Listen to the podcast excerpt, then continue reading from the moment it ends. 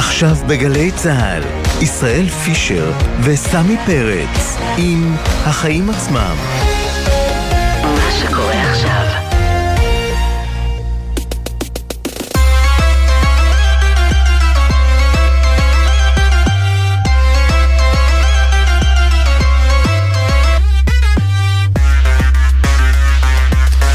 ערב טוב, השעה שש וארבע דקות, אתם מאזינים לחיים עצמם, התוכנית הכלכלית-חברתית של גלי צה"ל, אני סמי פרץ, ולצידי באולפן יושב ישראל פישר, שלום ישראל. שלום סמי, מה שלומך? אני בסדר, שמעת על החנינה לבני 75 ומעלה שהנשיא הרצוג מתכנן? למי זה מיועד בדיוק? Hmm, שאלה טובה, אבל קודם כל בואו לא נעשה פשעים ולא נדאג בזה לחנינות אה, הבאות. נשמע מאוד תמוה העניין הזה של גיל 75, אבל כן, בסדר, אבל- נשאיר, לך תדע מי נשאיר למי זה. שמתקרב לגיל הזה את התהייה האם באמת הוא יקבל חניה, חנינה. אה, טוב, מה, אווירת חגים. כן, זה מכניס אותי תמיד למצב רוח מאוד מאוד טוב, ובכל זאת היום, כל היום אני שומע את הדיונים, גם בשבועות האחרונים, עוד יותר היום, על ההסכם שקשור לגבול הימי והגז בין ישראל ללבנון, וזה מבלבל מאוד. מבלבל, כי יש הרבה מאוד גבולות, וראינו כמה קווים כאלה במפה. קווים אלכסוניים, קווים שצריך אלכסוניים. להסביר גם איך נכון. בנויה המפה בדיוק ולמה זה אלכסוני. כן. אנחנו ננסה לעשות קצת סדר בדברים עם יורם שווייצר מהמכון למחקרי ביטחון לאומי, מקווה שנצליח. כן, כן, הסתכלנו קודם על המפה שנינו, ואמר, תהינו באמת, כאילו, למה זה כזה אלכסוני. זה הזמן ואפילו- להגיד שלמדתי גיאוגרפיה ואני מבין לגמרי. טיפה. אפילו. תהינו אם אפשר לשחות במים הכלכליים של ישראל. אבל זה נשאיר. אה, בכל מקרה, צריך להגיד שההסכם הזה גם מעורר הרבה מאוד התנגדויות, בעיקר באופוזיציה. אה, אנחנו נדבר עם חברת הכנסת אורית סטרוק מהציונות הדתית, נברר איתה למה כל כך מתנגדים לזה, האם זה רק ענייני בחירות. נשאל אותה גם מה העמדה שלה, של המפלגה שלה, בנוגע להפעלת הרכבת הקלה בשבת, וגם נציג מחקר מפתיע שנערך באוניברסיטת בר אילן, בדיוק בנושא הזה, תחבורה ציבורית בשבת. עוד בתוכנית היום נחגוג את פתיחת מחלף השלום בנתיבי איילון אחרי שנסתם הבולען שנפער בו.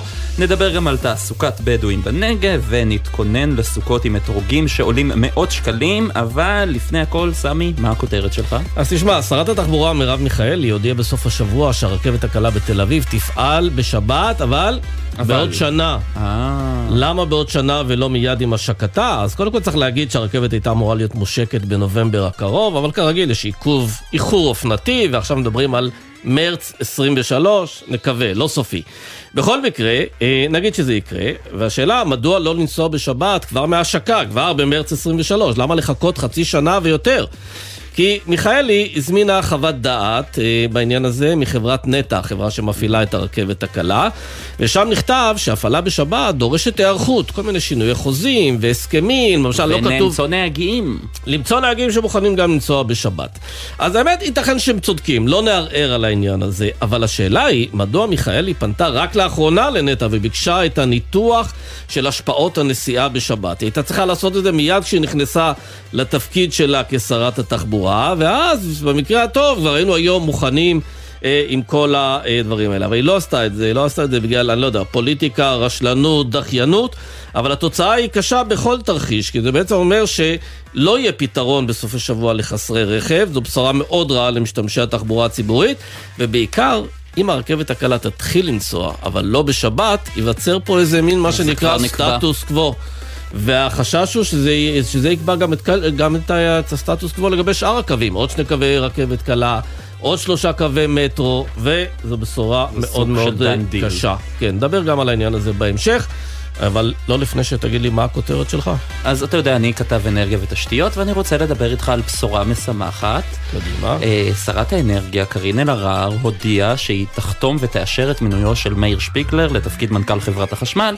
את זה היא עשתה אחרי שהרבה, היא טענה שהמינוי שלו היה פסול ולא ראוי, והיו הרבה ועדות, גם היועצת המשפטית לממשלה, גם רשות החברות הממשלתיות, גם חברת החשמל בעצמה, בדקה את זה, אז יופי, יהיה מנכ"ל לחברת החשמל אחרי שהשרה אלהרר תיפגש איתו. אבל יש גם את יושב ראש חברת החשמל המיועד, אילן בירן. יותר מ-14 חודשים שאין לחברה הממשלתית הכי גדולה בישראל יושב ראש, וסוף סוף נבחר, רשות החברות הממשלתיות בחרה באילן, אישרה את הבחירה באילן אה, בירן, אלהרר חתמה על המינוי, אבל מי לא חתם?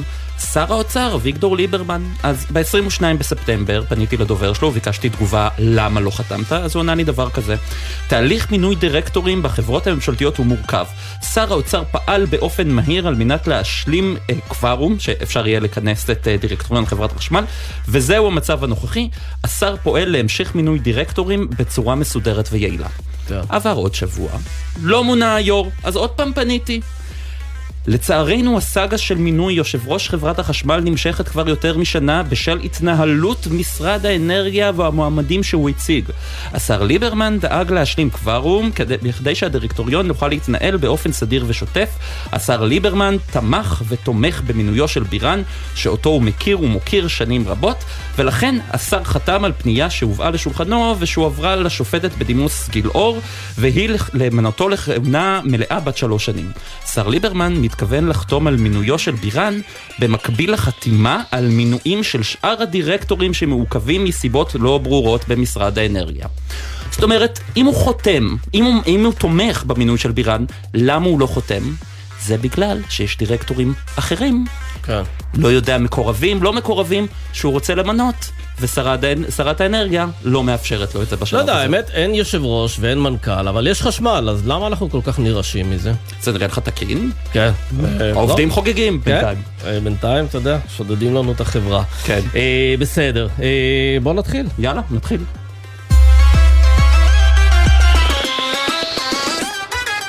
אז באמת ההסכם, אה, הסכם הגז בין ישראל ללבנון מתקדם, אה, מתחילות ככה להתגבש הבנות, יש הסכם שהציע המתווך האמריקאי, ויש כמובן גם מחלוקת, ואנחנו לא יודעים איפה המחלוקת הזו היא באמת מקצועית ואיפה היא פוליטית, אנחנו חודש לפני הבחירות, ואנחנו רוצים לדבר אה, עם יורם שווייצר, ראש תוכנית מחקר טרור במכון למחקר, למחקרי ביטחון לאומי INSS, שלום יורם.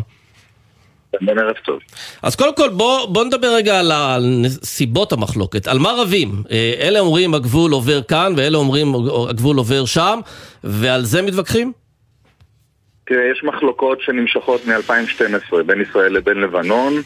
ישראל הגיעה לאיזשהו סוג של הבנות עם לבנון שנותר פער של מעל 800 קילומטר של אה, מים כלכליים, ימיים, ואחרי זה גדל אה, 1,400 קילומטר, ובגלל האצה בפעילות המרומזת או הנרמזת הדי בוטה של חיזבאללה, ורצון להגיע להסכם, נדחפו שני הצדדים לקראת הסכמות. אנחנו עוד לא יודעים מה פרטי ההסכם, אבל uh, את העקרונות אנחנו מבינים.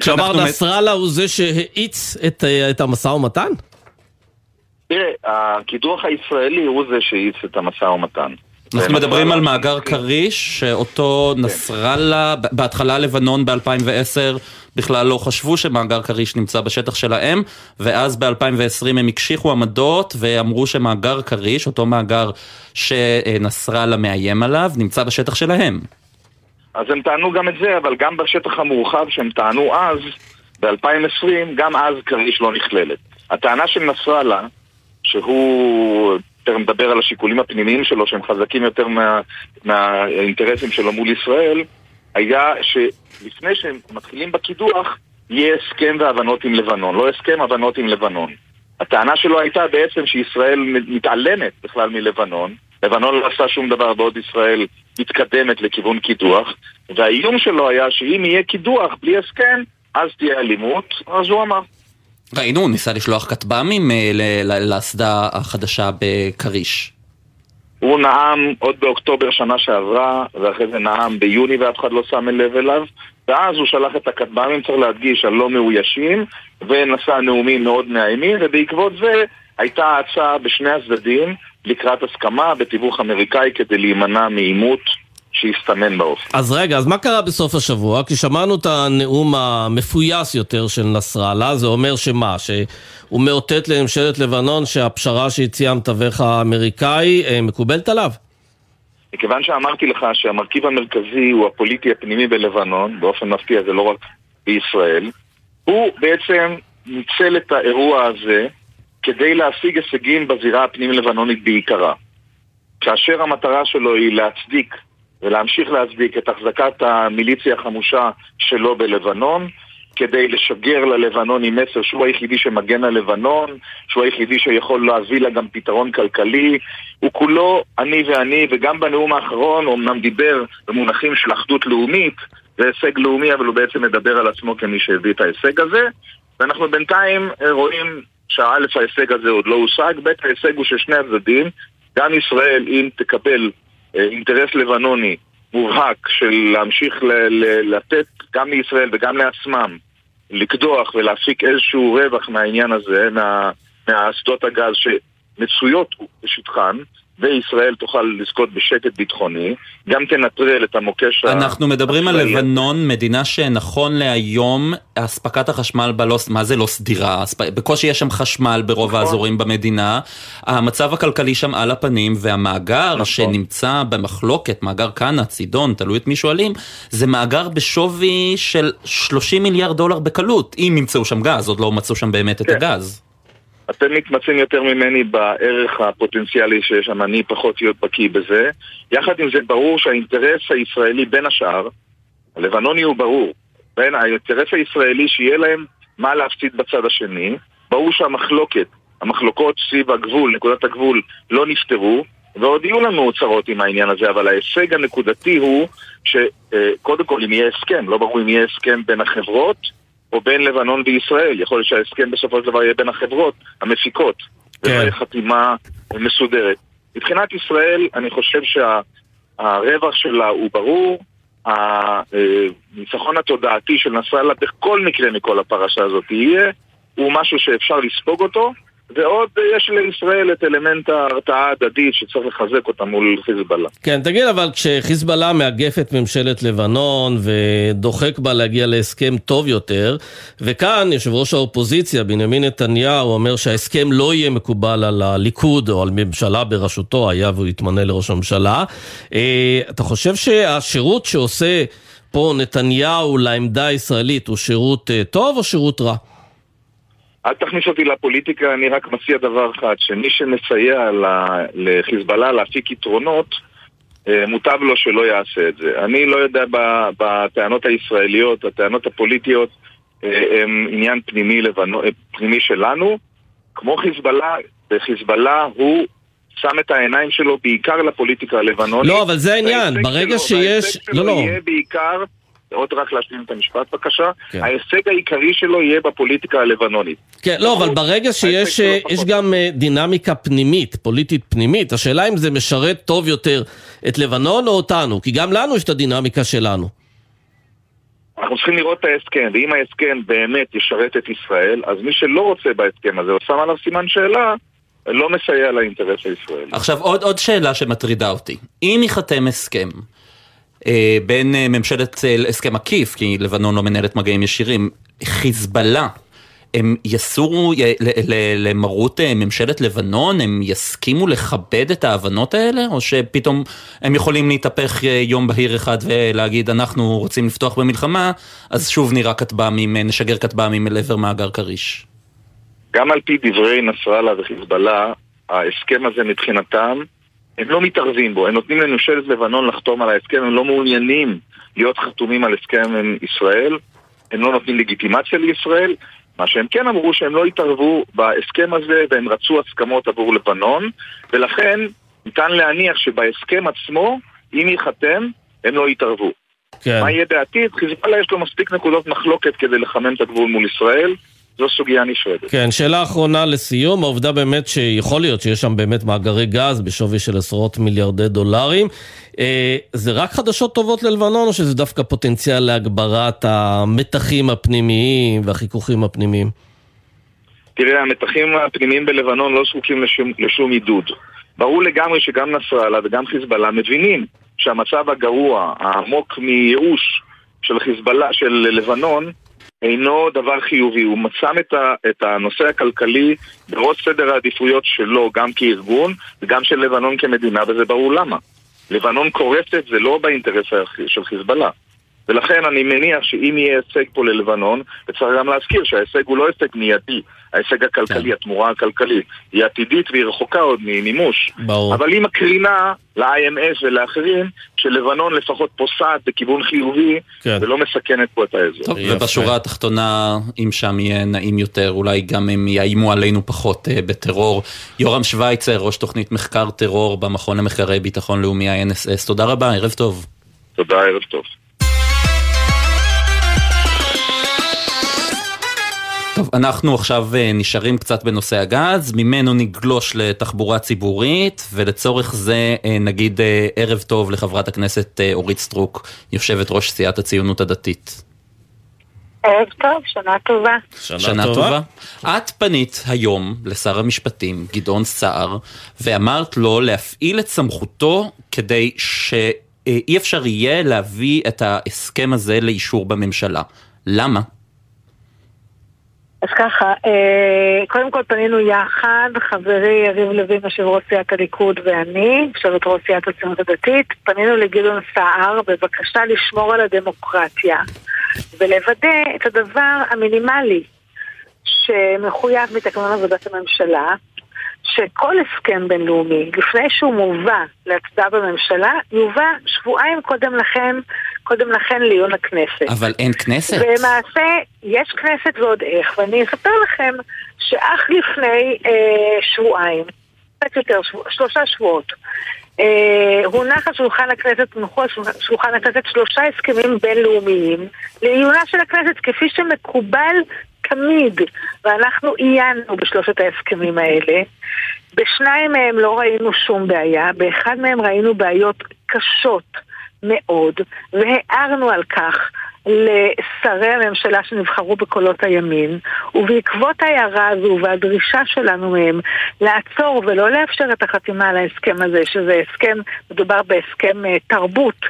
שמפלה לרעה את uh, כל האזורים ששוחררו במלחמת ששת הימים, uh, גם יהודה ושומרון, גם רמת הגולן וגם uh, חלקים גדולים מירושלים, בירת ישראל הריבונית.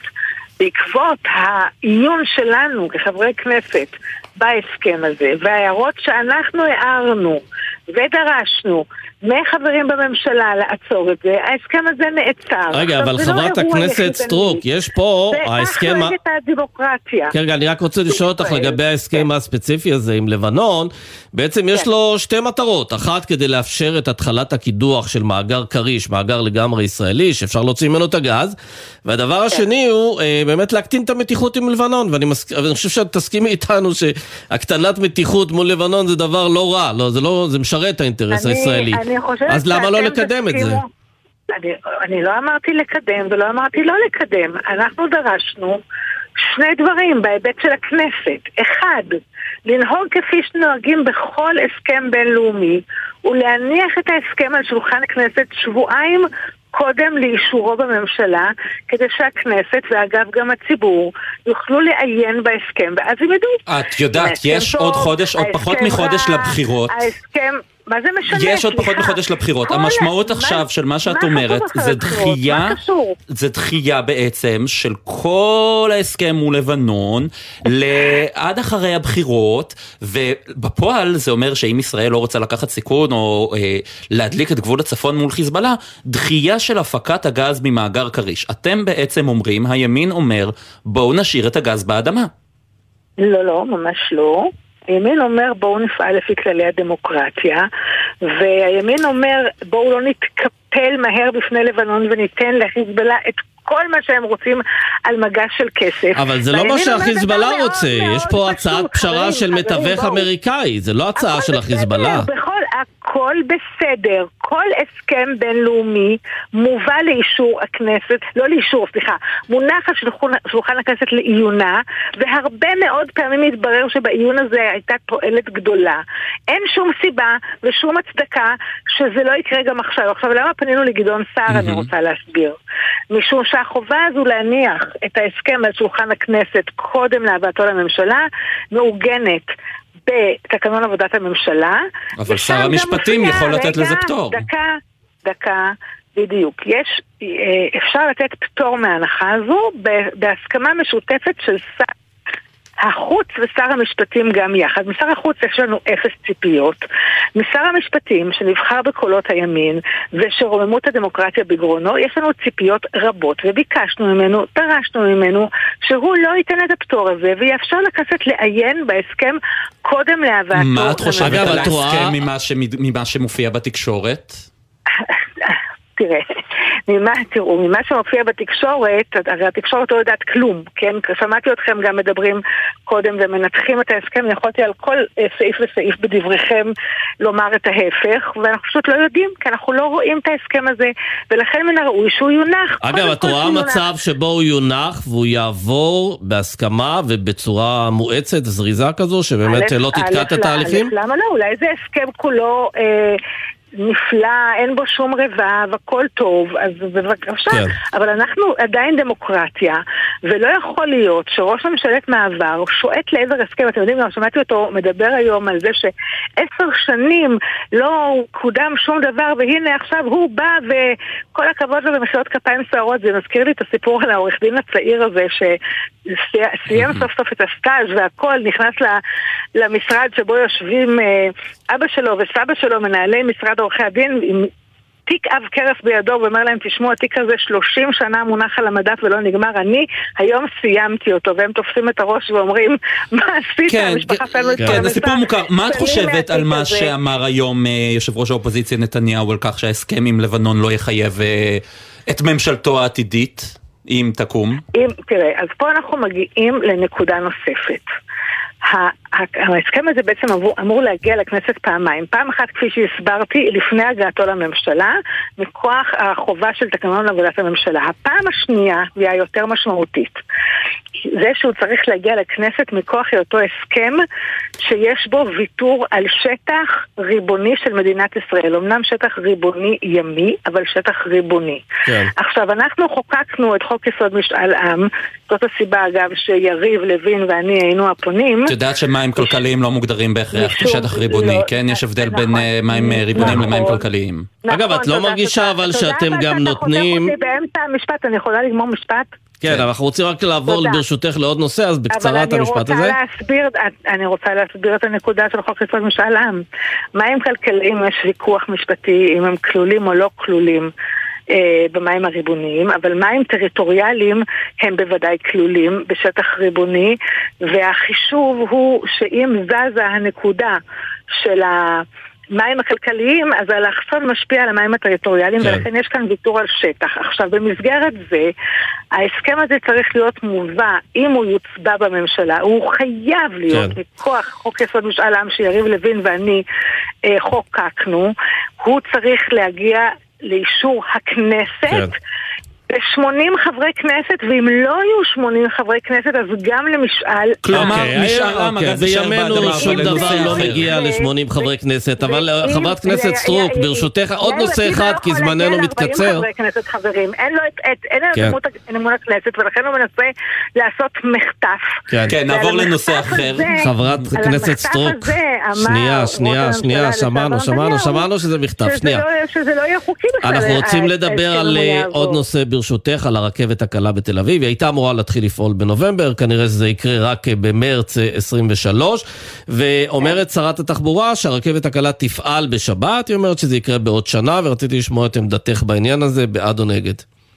כן, אז אה, באמת גם אה, שמעתי אתכם מדברים גם על זה, אני מניחה שיהיה קשה מאוד לשכנע אתכם, אתם שניכם מאוד מאוד תומכים בתחבורה ציבורית אה, בשבת. מה לעשות? תראי, אני גדלתי הישראלי- במשפחה דתית, חיפאית, ההורים שלי דתיים, גרים בחיפה, יש אוטובוסים בחיפה, אוקיי. ווואלה, זה אפילו לא מעצבן אותם בכלל. אני, אני הפוך ממך, אני גדלתי במשפחה אה, חילונית, שמאלנית, וברוך השם זכיתי לחזור בתשובה, אז אנחנו הפוכים. כל אחד. והחזרה בתשובה אבל שלו. מה שיותר חשוב, מה שיותר חשוב אה, משנינו, זה מה אמר המחוקק הישראלי לאורך שנים. אה, ולאורך שנים המחוקק הישראלי אמר, והוא עיגן את זה בפקודת התעבורה, שצריך לצמצם מאוד את התחבורה הציבורית בשבת. עכשיו באה מרב מיכאלי, אה, בניגוד גמור להסכמים הקואליציוניים שהיא חתומה עליה, ומקדמת, או או אומרת שהיא תקדם לפחות. אבל רגע, חברת הכנסת לא סטרוק, תהיה את יודעת, את יודעת שהרכבת לא הקלה אמורה. להסיע משהו כמו נגיד עשרת אלפים איש ביום. אותם עשרת אלפים איש אה, היום נוסעים בשבת, כלומר הם נוסעים במכוניות. פרטיות, כלומר זה לא שהם, אה, זה לא שאת לוקחת אנשים ומחזירה אותם בתשובה. והשאלה למה שזה לא יקרה ברכבת קלה, שחלקה בכלל תת-קרקעי, לא מפריע לאנשים. אגב, הרכבת גם לא חייבת לעצור בבני ברק או באזורים דתיים. אז למה לא לבוא ולעשות את השירות הזה לאנשים שאין להם רכב? אז אה, אני אגיד ככה, קודם כל אין לנו שום עניין להחזיר אנשים בתשובה בכפייה, פשוט כי אין דבר כזה. התורה אומרת רחמנא ליבא באי, הקדוש ברוך הוא רוצה שאדם יקיים מצוות מתוך הלב שלו, מתוך הרצון שלו, ולא משום שמישהו כפה אותו כך או אחרת. אין שום עניין להחזיר את פלוני או את אלמוני בתשובה באופן שכפייתי, אבל כן יש עניין שהשבת הציבורית במדינת ישראל תישמר כדי לשמור על הצביון היהודי של המדינה וכך היה לאורך שנים רבות ופשוט מאוד מרב מיכאלי, מי שנתן לה את המפתחות של משרד התחבורה ביד ולא הקפיד לא, אבל את לא רוצה להסכים איתנו שתחבורה זה שירות חיוני? לא לא, עזבי אבל לא את השרה מיכאלי, אני לאורך מדבר על השירות. עצמו. אבל אני מדברת על זה שאנשים שנבחרו בקולות של uh, הציבור הדתי. מסרו את מפתחות משרד התחבורה למרב מיכאלי. וה- והתהדרו בכך שהם יכולים לעצור אותה בכל רגע נתון כי יש להם ביד הסכם קואליציוני שלא מאפשר לה לפגוע בסטטוס קוו. ובפועל הם לא עושים דבר וחצי דבר כדי לבלום אותה.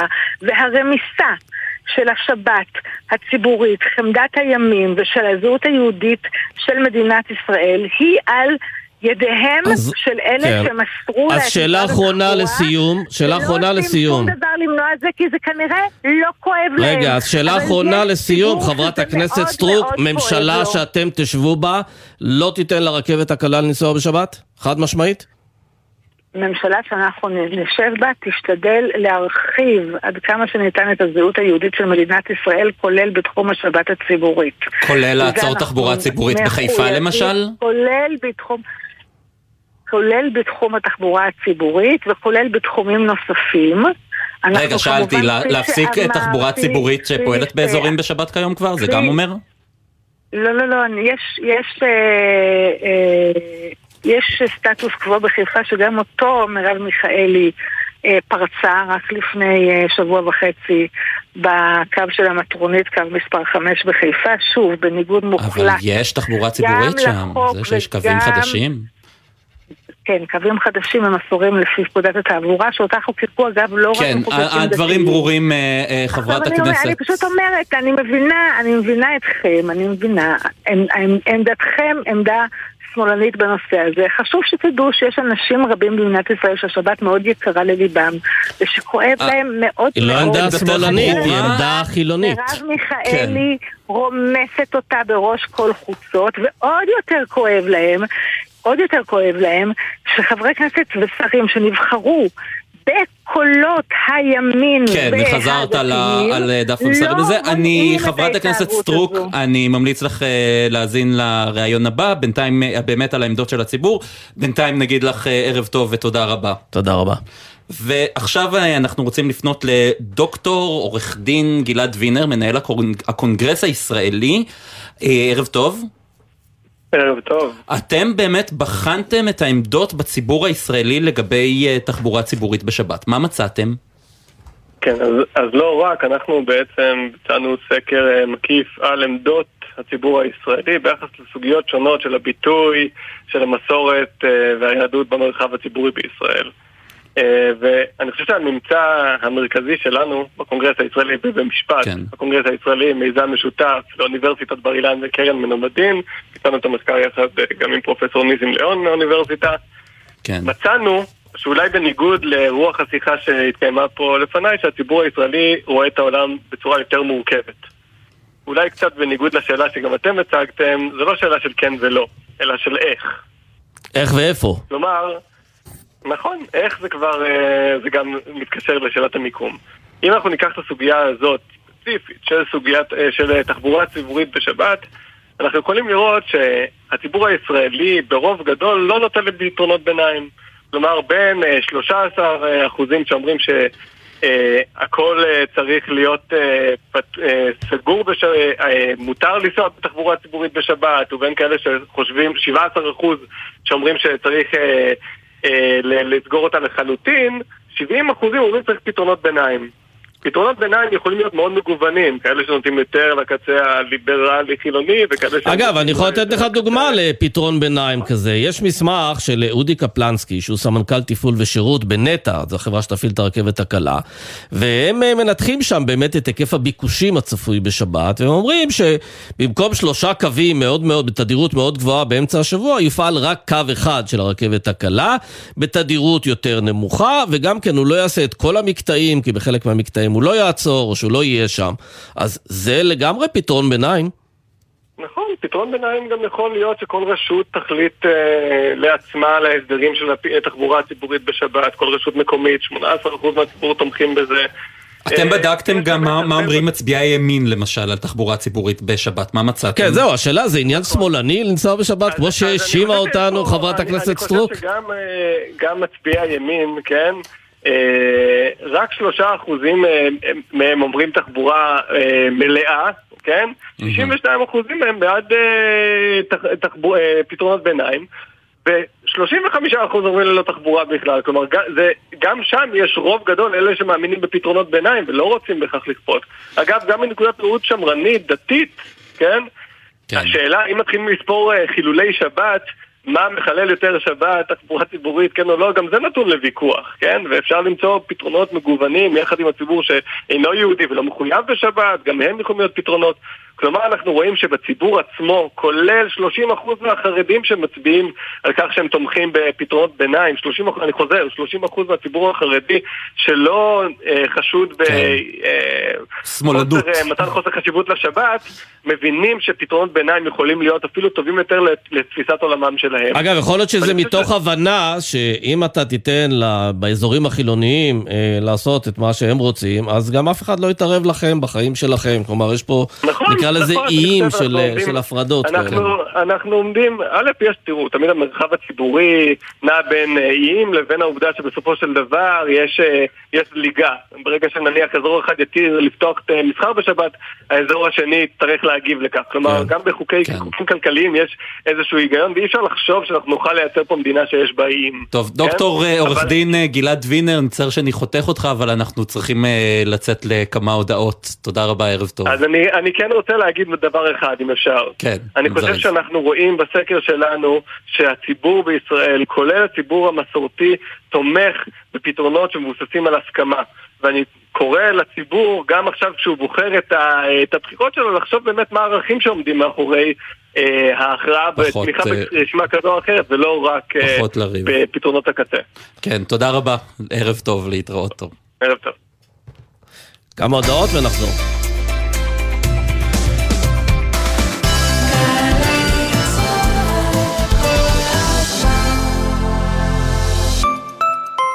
עמיתי מועדון חבר, כל דגמי סובארו בהטבות מיוחדות בשבילכם, עד 28 באוקטובר.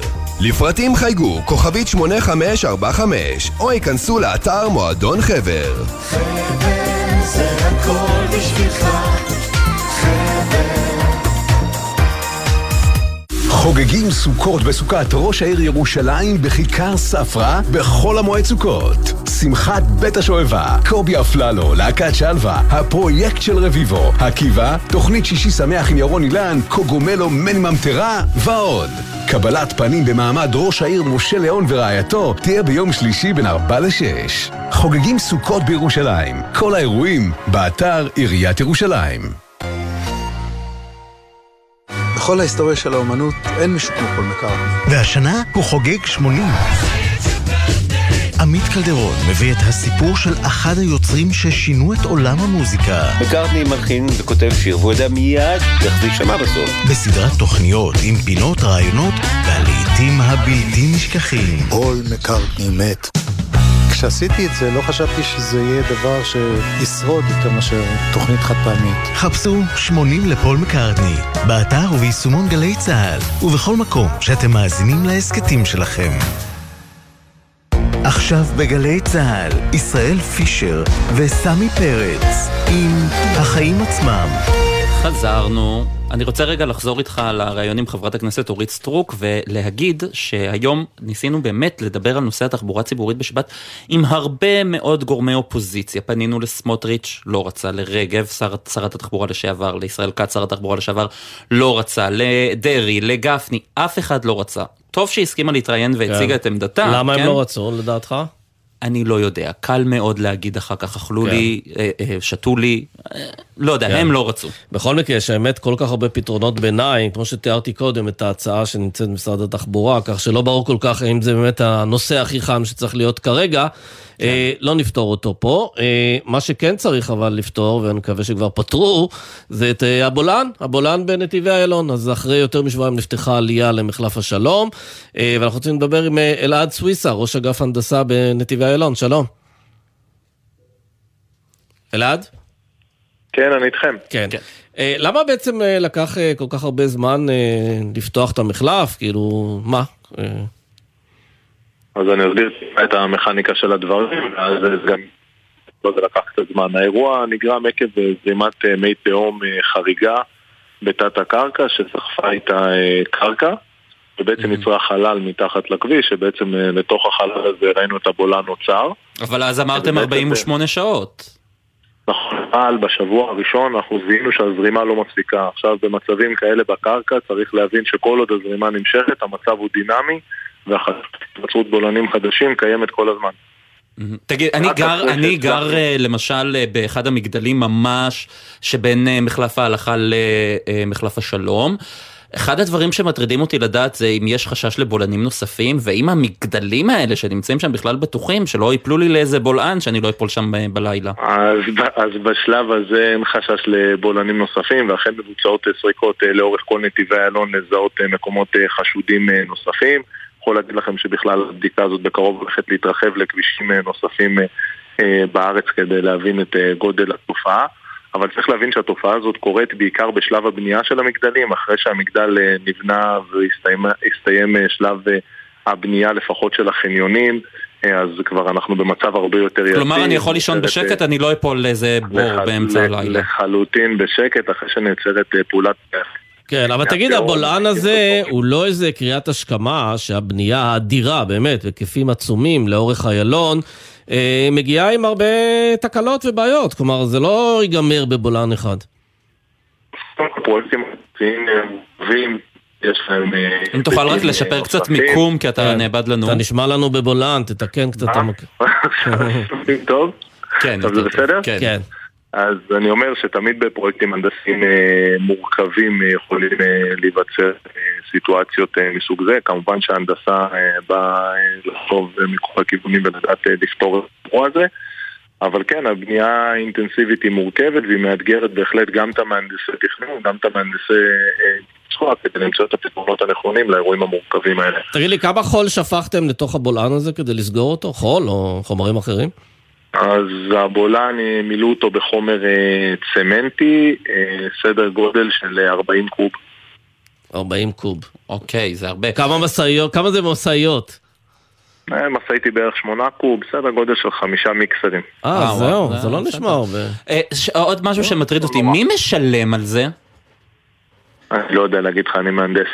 אה, אתה מהנדס, זאת אומרת, אתם, אה, לא, אבל אתם אה, סביר- דאגתם להביא את סביר- המשאיות, סביר או סביר שעזריאלי? סביר להניח, סביר להניח שהתשלום יהיה על הגורם שגרם לזה, אבל אני פחות נכנס. כן, אני מבין שהתקנתם אה, סנסורים באדמה כדי איכשהו לאבחן, לעשות איזה אבחון מוקדם לבולענים הבאים. איך זה נכון, עובד בדיוק?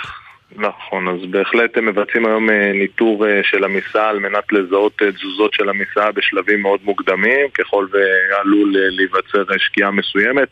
אנחנו יוצאים מנקודת הנחה שייתכן ותיווצר שקיעה ראשונית לפני שבאמת תיווצר הבולען, ואנחנו רוצים לנטר את התזוזות האלה כדי שבזמן אמת נדע לסגור את אבל המידע מגיע אליכם, הוא לא מגיע אליי בווייז. הוא לא אומר לי זירו זירו גולן. גולן. הוא לא. מגיע אליך, אבל אנחנו כרגע, לפחות אה, בתקופה הקרובה, אנחנו עם פקח אה, ממוקם אה, באופן קבוע באתר, על מנת שכל דבר חשוד או משהו שמצריך, נוכל לבצע סגירה מיידית של הנתיב. לסיום, בטוח עכשיו יש הרבה אנשים בפקקים בנתיבי איילון, בטוח שם? אפשר להיות רגועים או שיש חשש לבולענים בטוח. נוספים?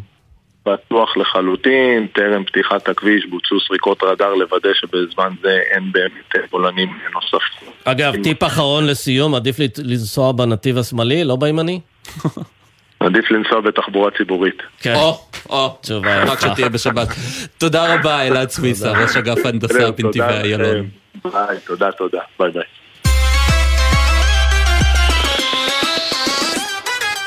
תשמע, אוהב טונה? אני, האמת היא שאני מאוד אוהב טונה.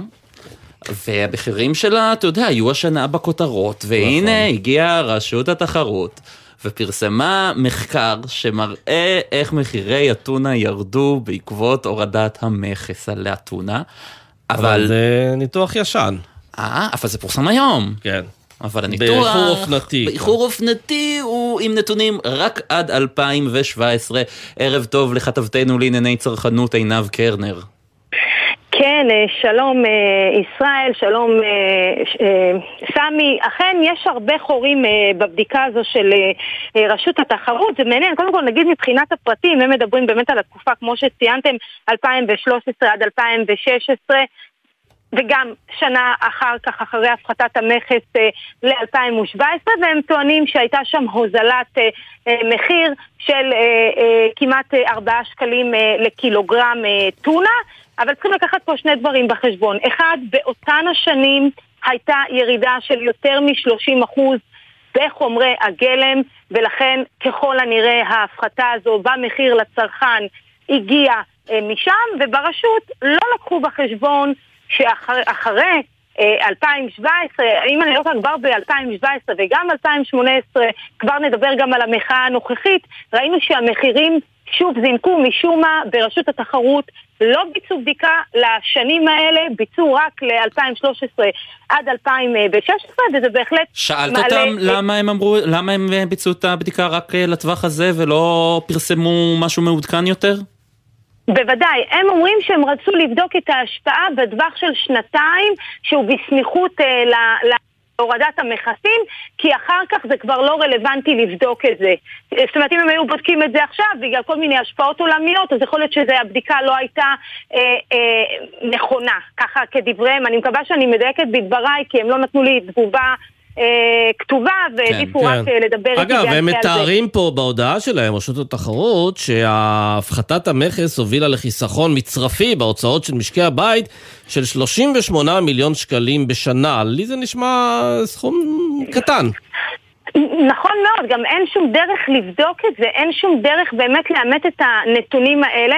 אגב, אה, אה, הרבה יותר קטן זה שהם אומרים שהמחיר ל-100 גרם הוזל ב-27 אגורות. זאת אומרת, כל הסיפור, אה, לפי הרפורמה שלהם, והמחקר שלהם הוזל ב-27 אגורות, למרות שבמחקר שלהם הם מעדיפים לרשום את זה בקילוגרם, שזו גם שאלה מעניינת. למה דווקא לרשום את זה בקילוגרם? כלומר, זה, לא, זה גם לא? הטונה שאנחנו קונים בקופסאות שימורים, אנחנו קונים טונה מעובדת ועם מרכיבים אה, נוספים, ולא משלמים רק על הטונה שהם דיווחו עליה. אגב, הטונה הזו ש... תתפלאו, אבל הטונה שאני, גם אני התפלאתי אגב, הטונה הזו שמדווחים עליה עכשיו זה רק עשרה אחוזים. הרי מתברר שמרבית הטונה שמיוצא, שמשווקת בארץ, זה טונה שמגיעה כטונה גולמית, וכאן בארץ... חותכים אה, ושמים אה, בקופסאות, כן. בדיוק, במים או בשמן ובסוגי שמנים. רק עשרה אחוזים מכל היתר שמגיעים לארץ זה יבוא שהם באמת מגיעים כבר בתוך הקופסה. ומה קורה עם. התחרות כיום? אנחנו דיברנו עד 2017. מה קורה עם התחרות כיום בשוק? כי יש אה, תחרות אחרי המחאה שהייתה מוקדם יותר השנה?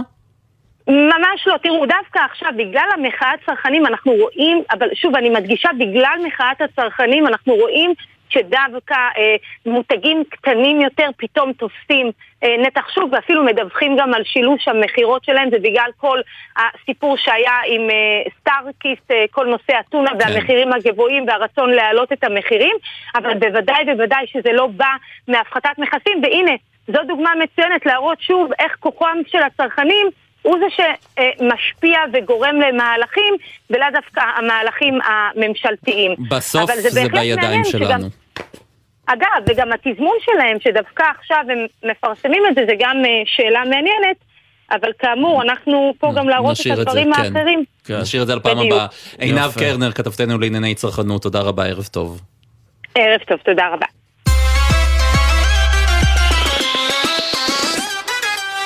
כן, אז אה, תשמע, בנגב ידוע שיש בעיית אבטלה, בעיקר בחברה הבדואית, והיום אה, נערך כנס אה, שעוסק בשאלה איך אפשר לשפר את מצב התעסוקה של הבדואים בנגב, ואנחנו רוצים לדבר על זה עם נאווה ג'עשן בצ'ון, שלום. היי, שלום, ערב טוב.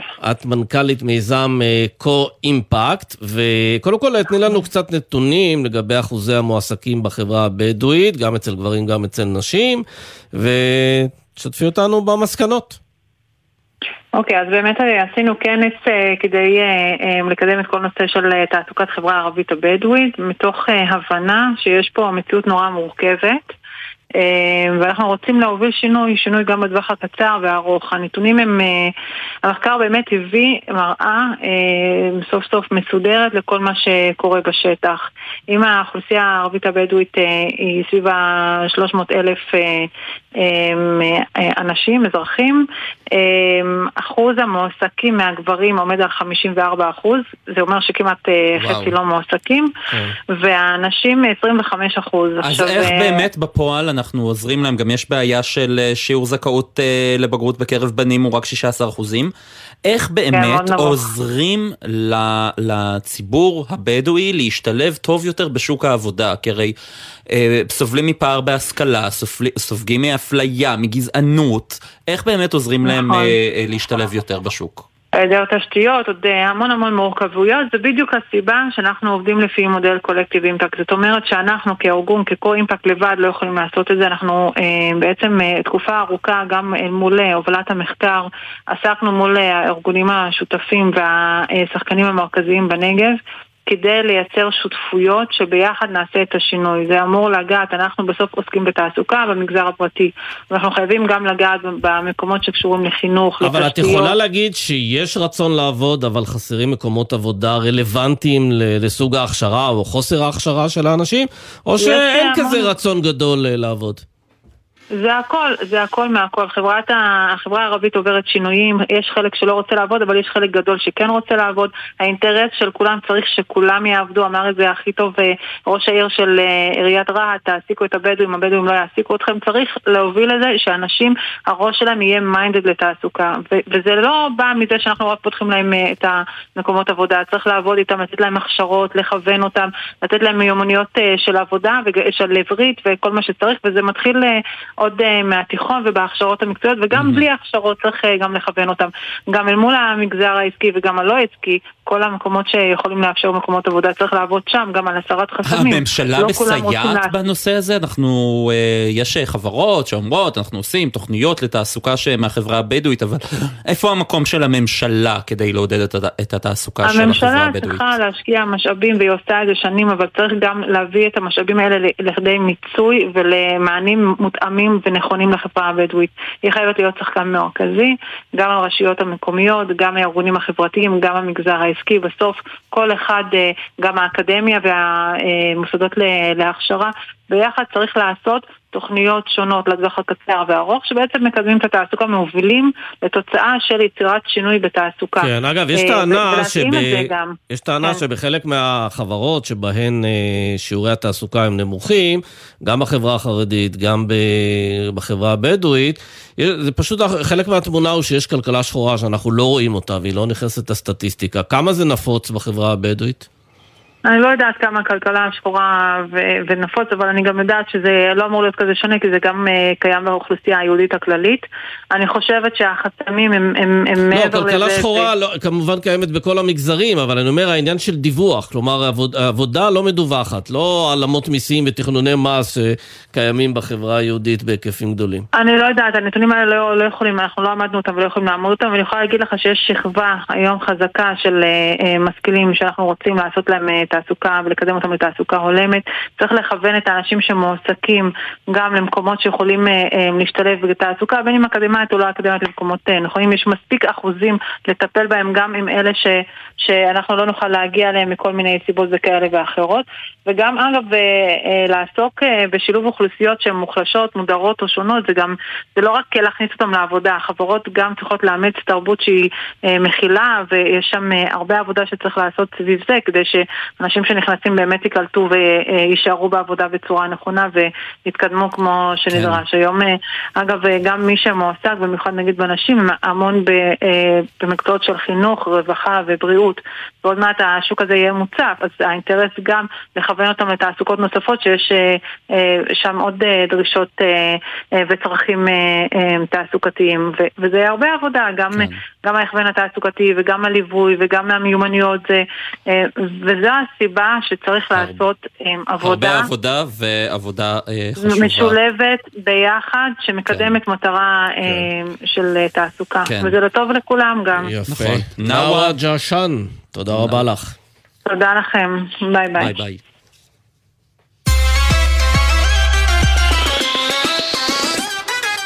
כמו שאמרתי בתחילת התוכנית, אני אוהב את החגים, וכל שנה, בתור ילד, הייתי הולך עם אבא שלי לשוק ארבעת המינים בחיפה, ובוחר לנו לולב ואתרוג. אתרוג תקני, כן? אתרוג תקני.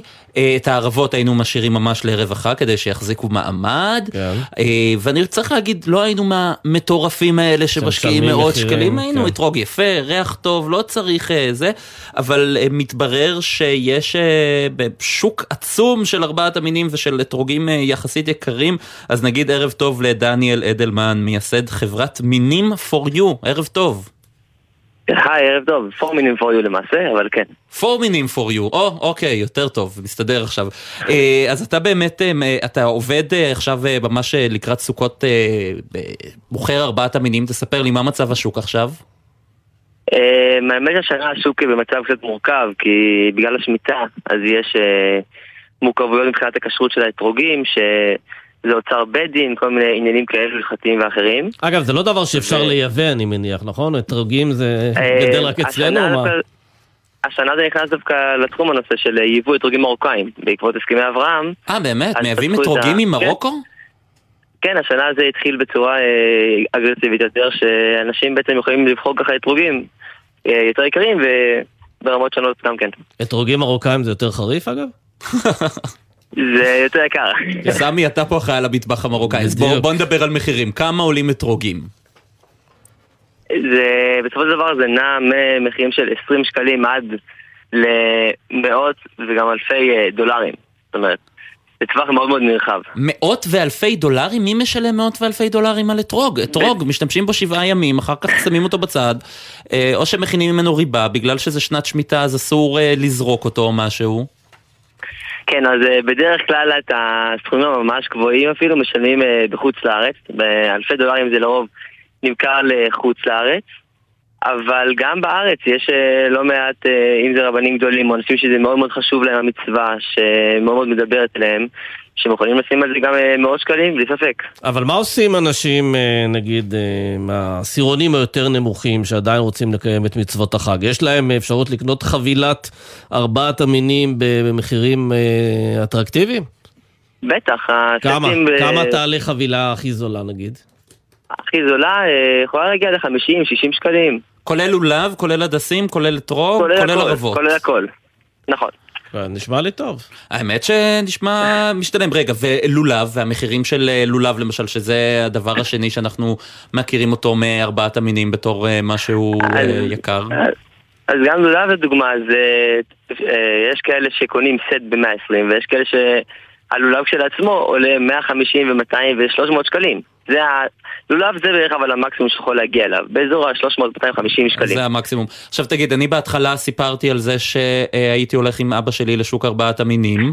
היום אתה מוכר ארבעת המינים דרך האינטרנט. אנשים קונים את זה דרך האינטרנט בלי לבחון את הפיתם של האתרוג?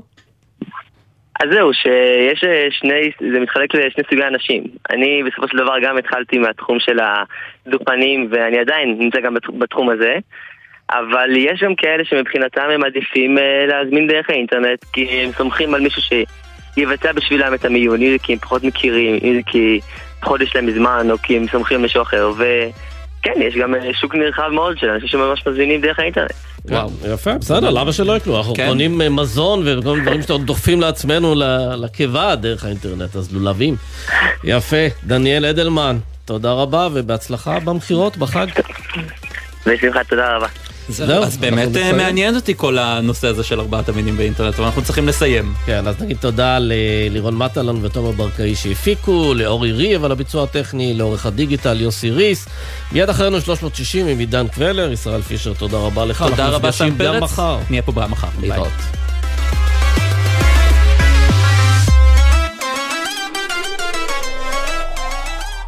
בחסות הפניקס סמארט, המעניקה עד 45% הנחה בביטוח המקיף. כוכבית 5432, או חפשו הפניקס סמארט בגוגל. כפוף לתקנון המבצע, הפניקס חברה לביטוח בע"מ.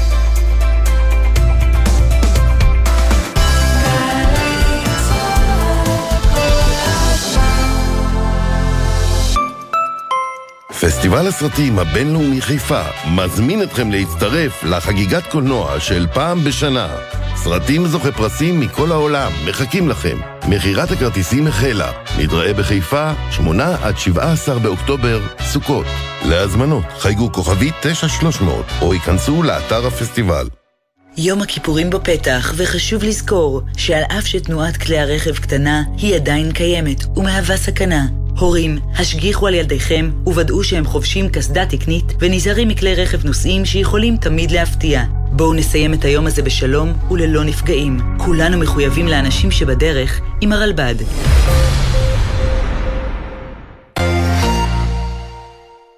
ערב יום כיפור תשפ"ג. בן פראג' ושחר אמנו מלווים את אירועי הסליחות מהעיר העתיקה בירושלים בשידור חי מהמרכז העולמי אש התורה, הצופה לכותל המערבי. מחר, עשר בלילה, גלי צה"ל. מיד אחרי החדשות, עידן קבלר.